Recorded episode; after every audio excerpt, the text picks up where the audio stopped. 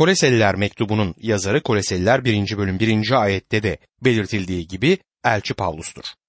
Koleseliler mektubu Pavlus'un Roma'da tutuklu bulunduğu dönemde kaleme alındı ve bu nedenle kendilerine cezaevi mektupları adı verilen mektuplardan birisidir. Elçi Pavlus'un cezaevi mektupları arasında şu mektuplar bulunur. Efesliler, Filipeliler, Koleseliler ve çok kişisel bir mektup olan Filimon mektubu. Mektup İsa'dan sonra 62 yılında yazılmıştır. Roma'dan dört atlı her biri ayrı yöne olmak üzere ellerinde çok değerli dokümanlarla bir gece gizlice yola çıkmışlardı. Bunlardan Tiikus ruhsal önderi olduğu Efes inanlar topluluğuna Paulus'un Efeslere yazdığı mektubu götürmekteydi. Yine kendisi Filipe'deki inanlı topluluğunun önderi olan Epofrodit bu topluluğa Paulus'un Filipelilere yazdığı mektubu taşıyordu. Elçi Paulus'un Koleselilere yazdığı mektubu ise Kolese'ye buradaki topluluğun önderi olduğu anlaşılan Epafras götürmekteydi. Filimon'a yazılan mektubu da Onesimus'un götürdüğünü biliyoruz. Filimon Onesimus'un efendisiydi ve efendisinin yanından kaçan kaçak köle mektubu götürerek böylece efendisine geri dönüyordu. Bu mektupların dördü eşdeğer mektuplardır ve bunların hepsine birden Mesih inancının anatomisi ya da inanlar topluluğunun anatomisi adı verilmektedir. Bu mektuplarda işlenen konulara bakarsak bunların hepsinde Mesih inancının bütün yönlerine değinilmiş olduğunu görebiliriz. Kolese'deki inanlar topluluğuna bakalım. Anadolu'ya yaptığım çeşitli gezilerde kutsal kitapta adı geçen yerlerin çoğunu görmüş olmamla birlikte her nedense Kolese kentinin kanıtlarını görebilme fırsatını bir türlü yakalayamadım. Ama en azından oraya yakın bir yer olan Pamukkale'ye kadar gittiğimi söylemeliyim. Burası antik çağda Laodikya diye bilinen yerdir. Frikya bölgesinin en önde gelen kentlerinden birisiydi burası. Bölgede çeşitli yapıların harabeleri görülmekteyse de kilise olduğu söylenebilecek bir yapının günümüze kadar gelemediği anlaşılmaktadır. Yeni Antlaşma döneminde Kolese'deki Mesih inanları dua ve tapınma hizmetleri için Filimon'un evinde toplanıyordu. Eğer bu uygulama daha sonraki nesillerde de devam etmiş ise Kolese'de hiçbir zaman bir kilise binasının yapılmadığı da söylenilebilir. Yani çağlar boyunca bu kentte yaşayan Mesih inanları evlerde toplanmaya devam etmiş olabilirler. Frigya bölgesi o dönemde kalabalık bir nüfusa sahipti ve topraklarında büyük bir uygarlığı barındırmaktaydı. Doğuya açılan bir kapıydı. Oraya Frigya kapısı denilmesinin bir nedeni de bu olsa gerek. Doğu ile Batı Anadolu'da tam olarak bu bölgede kesişiyordu. Roma İmparatorluğu'nun doğuyu egemenliği altına almaya çalışırken açıldığı ilk yer bu bölgeydi. Kolese doğudan gelebilecek istilalara karşı çevresi kalın surlarla örülü Laodikya, Philadelphia, Sardis, Tiatira ve Bergama gibi ünlü bir savunma kentiydi. Ama Elçi Paulus'un günlerinde bu tehlike en az düzeye inmiş durumdaydı çünkü o dönemde dünyanın büyük bir bölümü Roma İmparatorluğu'nun denetimi altındaydı.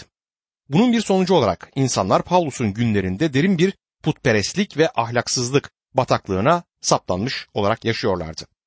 Kolese kenti de doğal olarak o günün diğer büyük kentlerinden farklı değildi. İncil kayıtları açısından değerlendirildiğinde Elçi Paulus'un Kolese kentine hiç gitmediği görülmektedir. Ben şahsen kutsal kitaptaki daha önce anlamadığım birçok şeyi kutsal kitapta adı geçen yerleri ziyaret ettikten sonra daha iyi anlamaya başladığımı söyleyebilirim. Elçi Paulus Kolese'yi acaba niçin ziyaret etmemişti? Öyle anlaşılıyor ki Paulus Ege bölgesindeki Efes kentine geldiğinde Frikya kapısı denilen güney yolundan değil de daha kuzeyde kalan Sartis üzerinden gelmişti. Buna göre Paulus Efes'e giden Roma yolunu kullanmış olabileceğinden bu nedenle güneydeki Kolese kentine yolu düşmemiş olabilir. Her ne kadar Paulus hiçbir zaman Kolese kentinde bulunmadıysa da orada bulunan inanlı topluluğunun kurucusudur. Kolese'deki topluluğun oluşmasında doğrudan rol oynayan kişi hiç kuşku yok ki o topluluğun ruhsal önderi olan Epafras'tır. Ama kurtuluş müjdesinin duyurucusu olarak Paulus, Anadolu ve Avrupa'daki inanlı topluluklarının hepsinde olduğu gibi binlerce insanı Mesih'e getirmiş ve bu inanların topluluk oluşturma girişimlerine ön ayak olmuştur. Eğer Paulus Efes'teki ruhsal hizmeti sırasında Pamukkale yakınlarındaki Laodikya kentine de gelmiş ve orada bir topluluk oluşturmuşsa oradaki Mesih inanları çok uzak olmayan Kolese kentine de geçip oradaki topluluğu başlatmış olabilir. Ama öyle değilse bile en azından Pavlus'un Efes'teki ruhsal hizmetleri sonucunda Rab İsa Mesih'e iman eden kişilerden bazıları müjdeyi duyurmak amacıyla Kolese'ye gelmiş olmalıydı. Zaten bakıldığında Kolese'nin Efes'ten öyle çok uzak olmadığı da görülecektir. Bugün İzmir'in Selçuk kasabasında bulunan antik Efes kenti ile daha güneydeki Denizli ilimizin topraklarında bulunan Pamukkale yakınlarındaki antik Kolese kenti arasında uzaklık olsa olsa 150 kilometreden daha fazla değildir. O günlerin şartlarında bir insan bu mesafeyi en kötü şartlarda yürüyerek 4 günde kat edebilirdi. Paulus Efes kentinde 2 yılı Trenus'un okulunda olmak üzere toplam olarak 3 yıl ruhsal hizmet vermiştir. Bu bölge o dönemde Roma İmparatorluğu'nun bir tür kültür merkeziydi. Uygarlığın sağladığı tüm avantajları ve büyük bir ticari hareketliliği Ege'nin doğu yakasında yani Anadolu'da görmek mümkündü. Felsefesi ve kültürüyle daha önce bu uygarlığa el sahipliği yapmış olan Yunanistan bu dönemde bu özelliğini Anadolu'ya kaptırmış durumdaydı.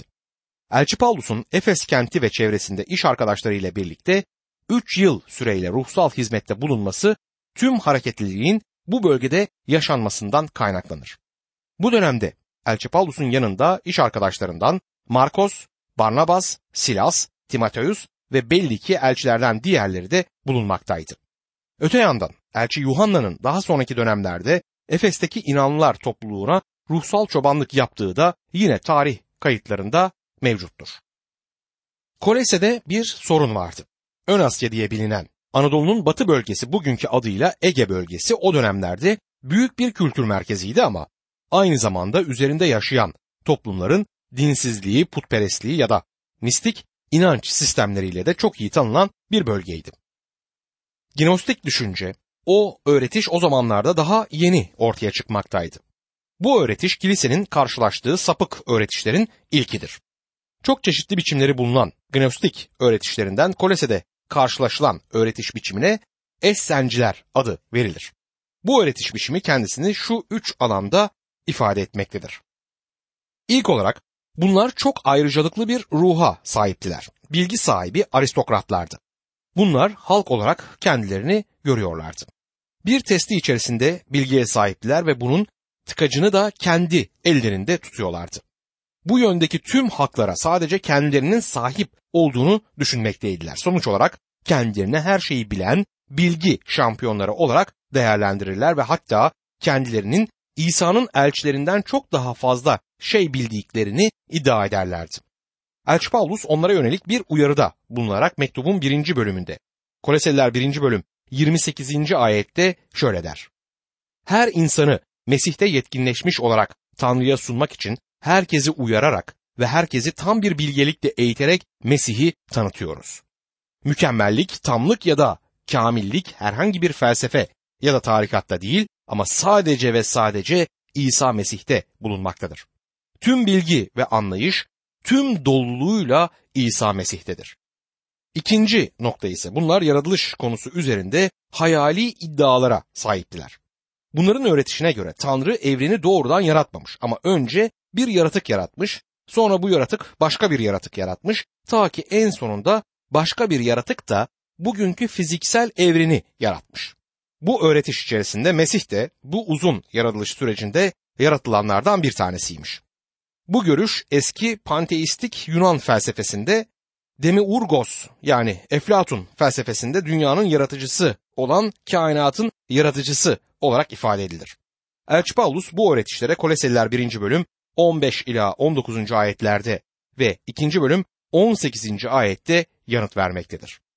Üçüncü olarak bu grubu diğer agnostik gruplardan ayıran başka bir özellik ise ahlak yaşamlarında aşırı sofu ve aynı zamanda sınırsız ölçülerde ahlaksız olmalarıydı. Aşırı sofuluğu Yunan stoacılığından, sınırsız ölçülerde ahlaksızlığı ise Yunan epikürcülüğünden etkilenerek elde etmişlerdi. Elçi Paulus bu noktaya mektubun 2. bölüm 16 ila 23. ayetlerinde ve 3. bölüm 5 ila 9. ayetler arasında değinir. Tabii ki Koleseliler mektubunun verdiği genel büyük bir mesaj vardır. Koleseliler mektubu Mesih inanlısının bir sürü dinler, tarikatlar, felsefelerle dolu bu dünyadaki ruhsal pusulasına ve haritasına benzetilebilir. Bir yandan her zaman Mesih inancının dinsel biçimciliğe dönüşebilme tehlikesinin bulunduğunu bize işaret eder. Bunu tarih içerisinde ve günümüzde çok çeşitli örnekleriyle açıkça görmekteyiz.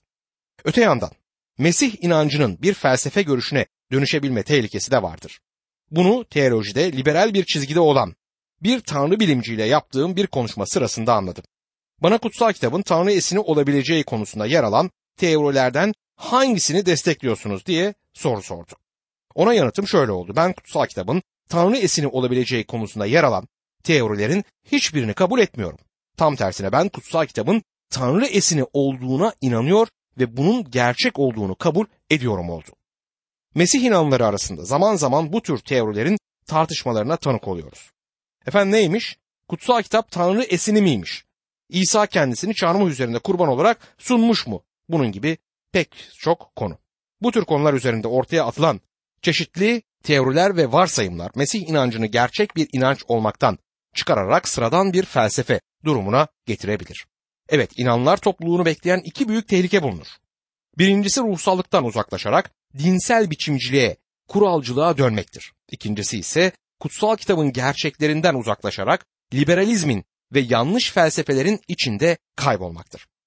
Anımsayacak olursanız Rab İsa Mesih kendisinin yaşam suyu olduğunu söylemişti. O ben yaşamın buharıyım ya da ben yaşamın buzuyum demedi. O dedi ki ben yaşam suyuyum. Yaşam derecesinde olan sudur.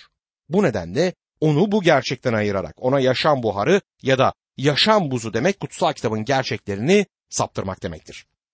Yine kutsal kitap İsa'nın günahlılar uğrunda çarmıh üzerinde öldüğünü, gömüldüğünü ve ölümden dirilerek Baba Tanrı'nın yanına yükseldiğini söyler.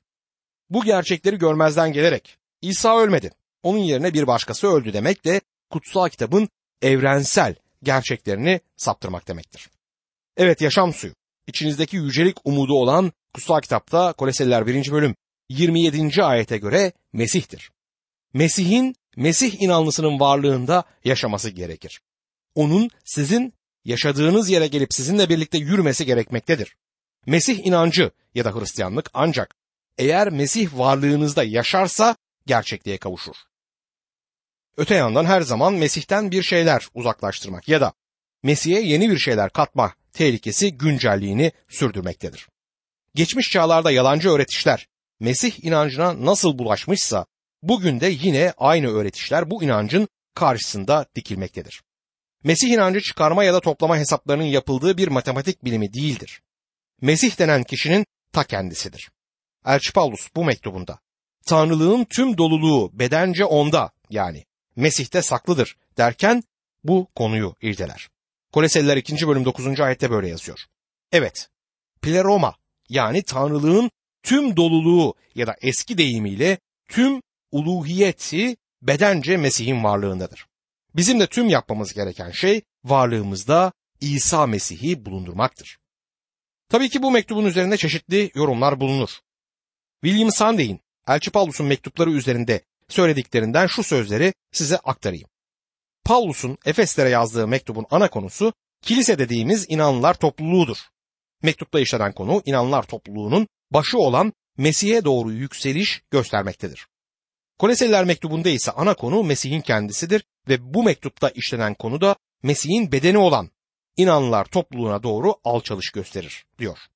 Koleseliler mektubunun hemen hemen her yerinde ağırlıkla rastlanan konu Mesih'in her şeyde olduğudur. Bizim ihtiyaç duyduğumuz her şey ya da tek şey Mesih'in kendisidir. Çünkü her şey odur.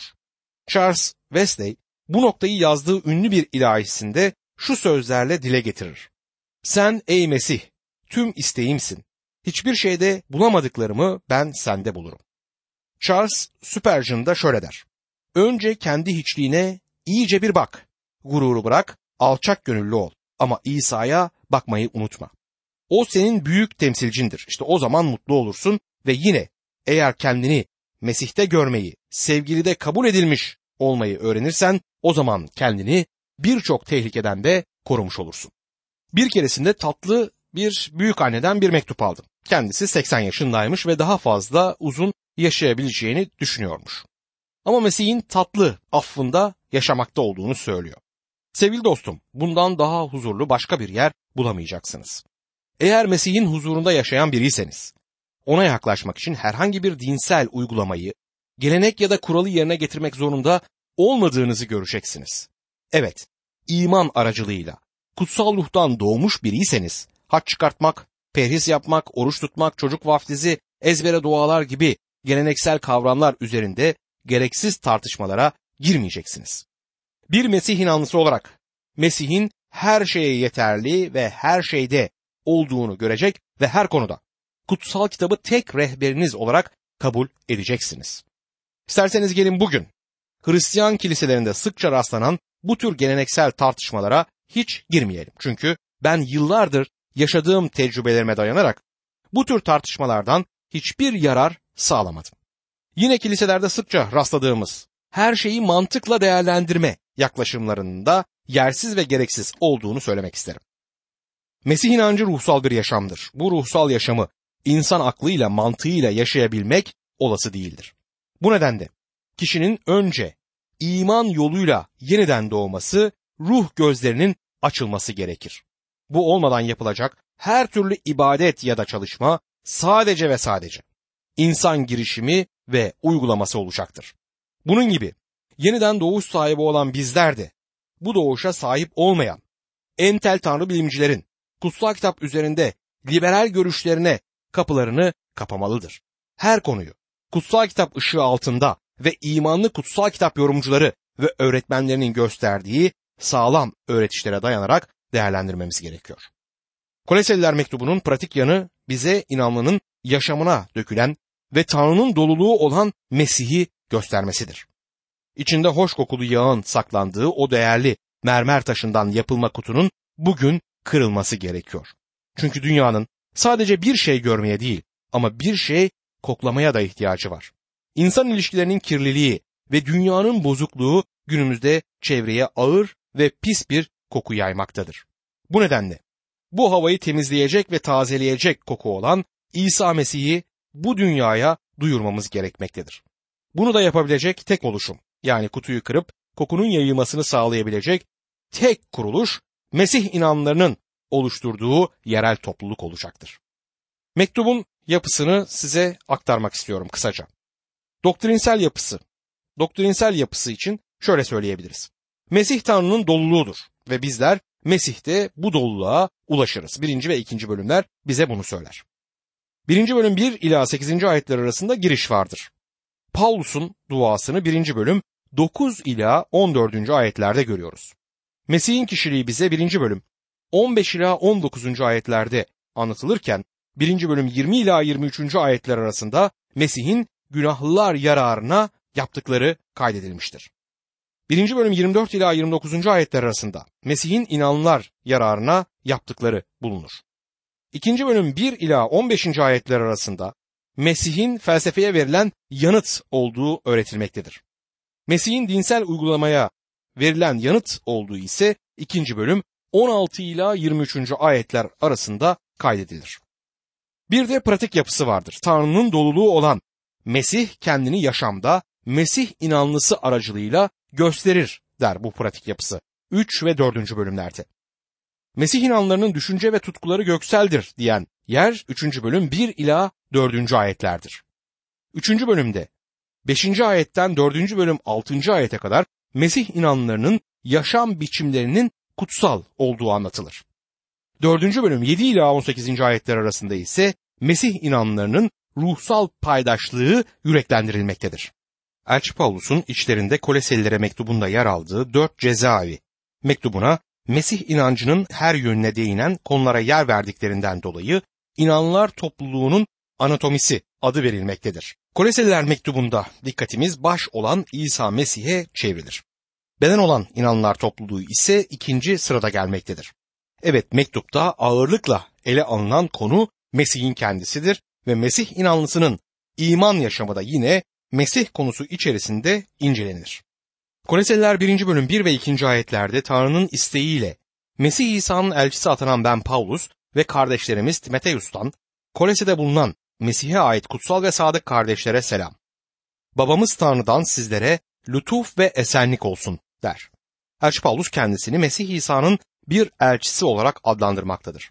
Ve her zaman bunun Tanrı'nın isteğiyle olduğunu söyler. Elçi Paulus elçi yani Resul olduğu sürecinde Tanrı'nın isteği altında yaşamış birisidir. Onu bir elçi olarak bu göreve Tanrı'nın kendisi atamıştır. Sen bugün Tanrı'nın isteğinin altında mısın? Mesih'e hizmet ediyor musun? Bugün bulunman gereken doğru yerde bulunduğuna inanıyor musun? Elbette bütün Mesih inanları beden içerisinde çalışmaya, hizmet etmeye çağrılmışlardır ama bunun doğru bir şekilde yapılması gerekir. Ama ne yazıktır ki bugün çok sayıda insan aslında yapmaları gerekmeyen, kendilerinden beklenmeyen bir sürü işle uğraşıyorlar. Çoğu zaman da bizler başkalarını taklit ediyoruz. Ben de falanca kardeşin yaptığı işleri yapayım diye düşünüyoruz.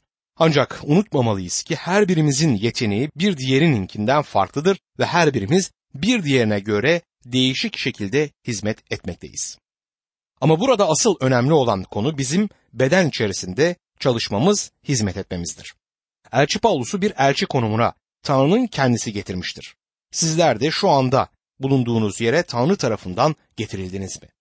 Tanrı'nın isteğine uygun bir yerde misiniz? Eğer Tanrı'nın isteğine uygun yaşadığınızı biliyorsanız bu bilgi size son derece büyük bir mutluluk ve huzur getirecektir. Kolese'de bulunan ve Mesih'e iman eden kutsal kardeşlere selam diyor. Bazı tercümeler bu sözleri şöyle ifade eder. Kolese'de bulunan kutsallara ve kardeşlere selam. Ancak dikkat edilmelidir ki Paulus burada iki ayrı grup insan topluluğundan söz etmez.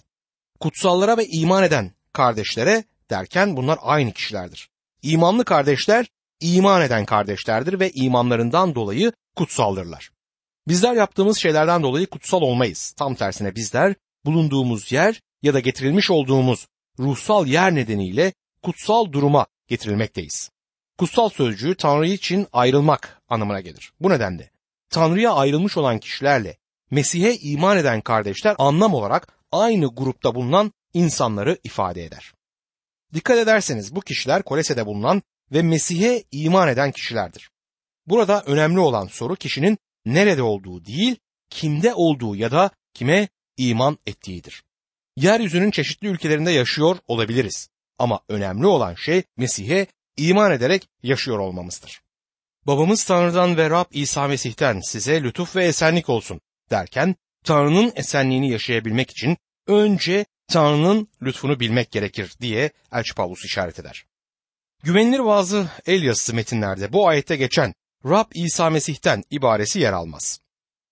Buna göre bu ayeti İncil'in müjde çevresinde olduğu gibi okumak gerekmektedir. Babamız Tanrı'dan size lütuf ve esenlik olsun. Unutmamak gerekiyor ki Paulus bu mektubunu kilise tarihinde yaşayan ilk inanç dışı öğretiş olan agnostiklere karşı yazmaktaydı. Agnostik düşünce bu evrede öğretişiyle kendisini kilise içerisinde yavaş yavaş belli etmeye başlamıştı. Bu öğretişi savunanlar Tanrı'yı insandan çok uzak bir yerde tanımlamaktaydılar ve insanın Tanrı'ya yaklaşabilmesi için bir takım evrelerden geçmesi gerektiğini öğretiyorlardı. Mesih inancının dışında kalan yeryüzünün çeşitli din ve tarikat öğretişlerine bakacak olduğumuzda insanın Tanrı'ya yaklaşabilmesi için önce belirli bazı uygulamalardan geçmesi gerektiği öğretilerinin var olduğunu görürüz.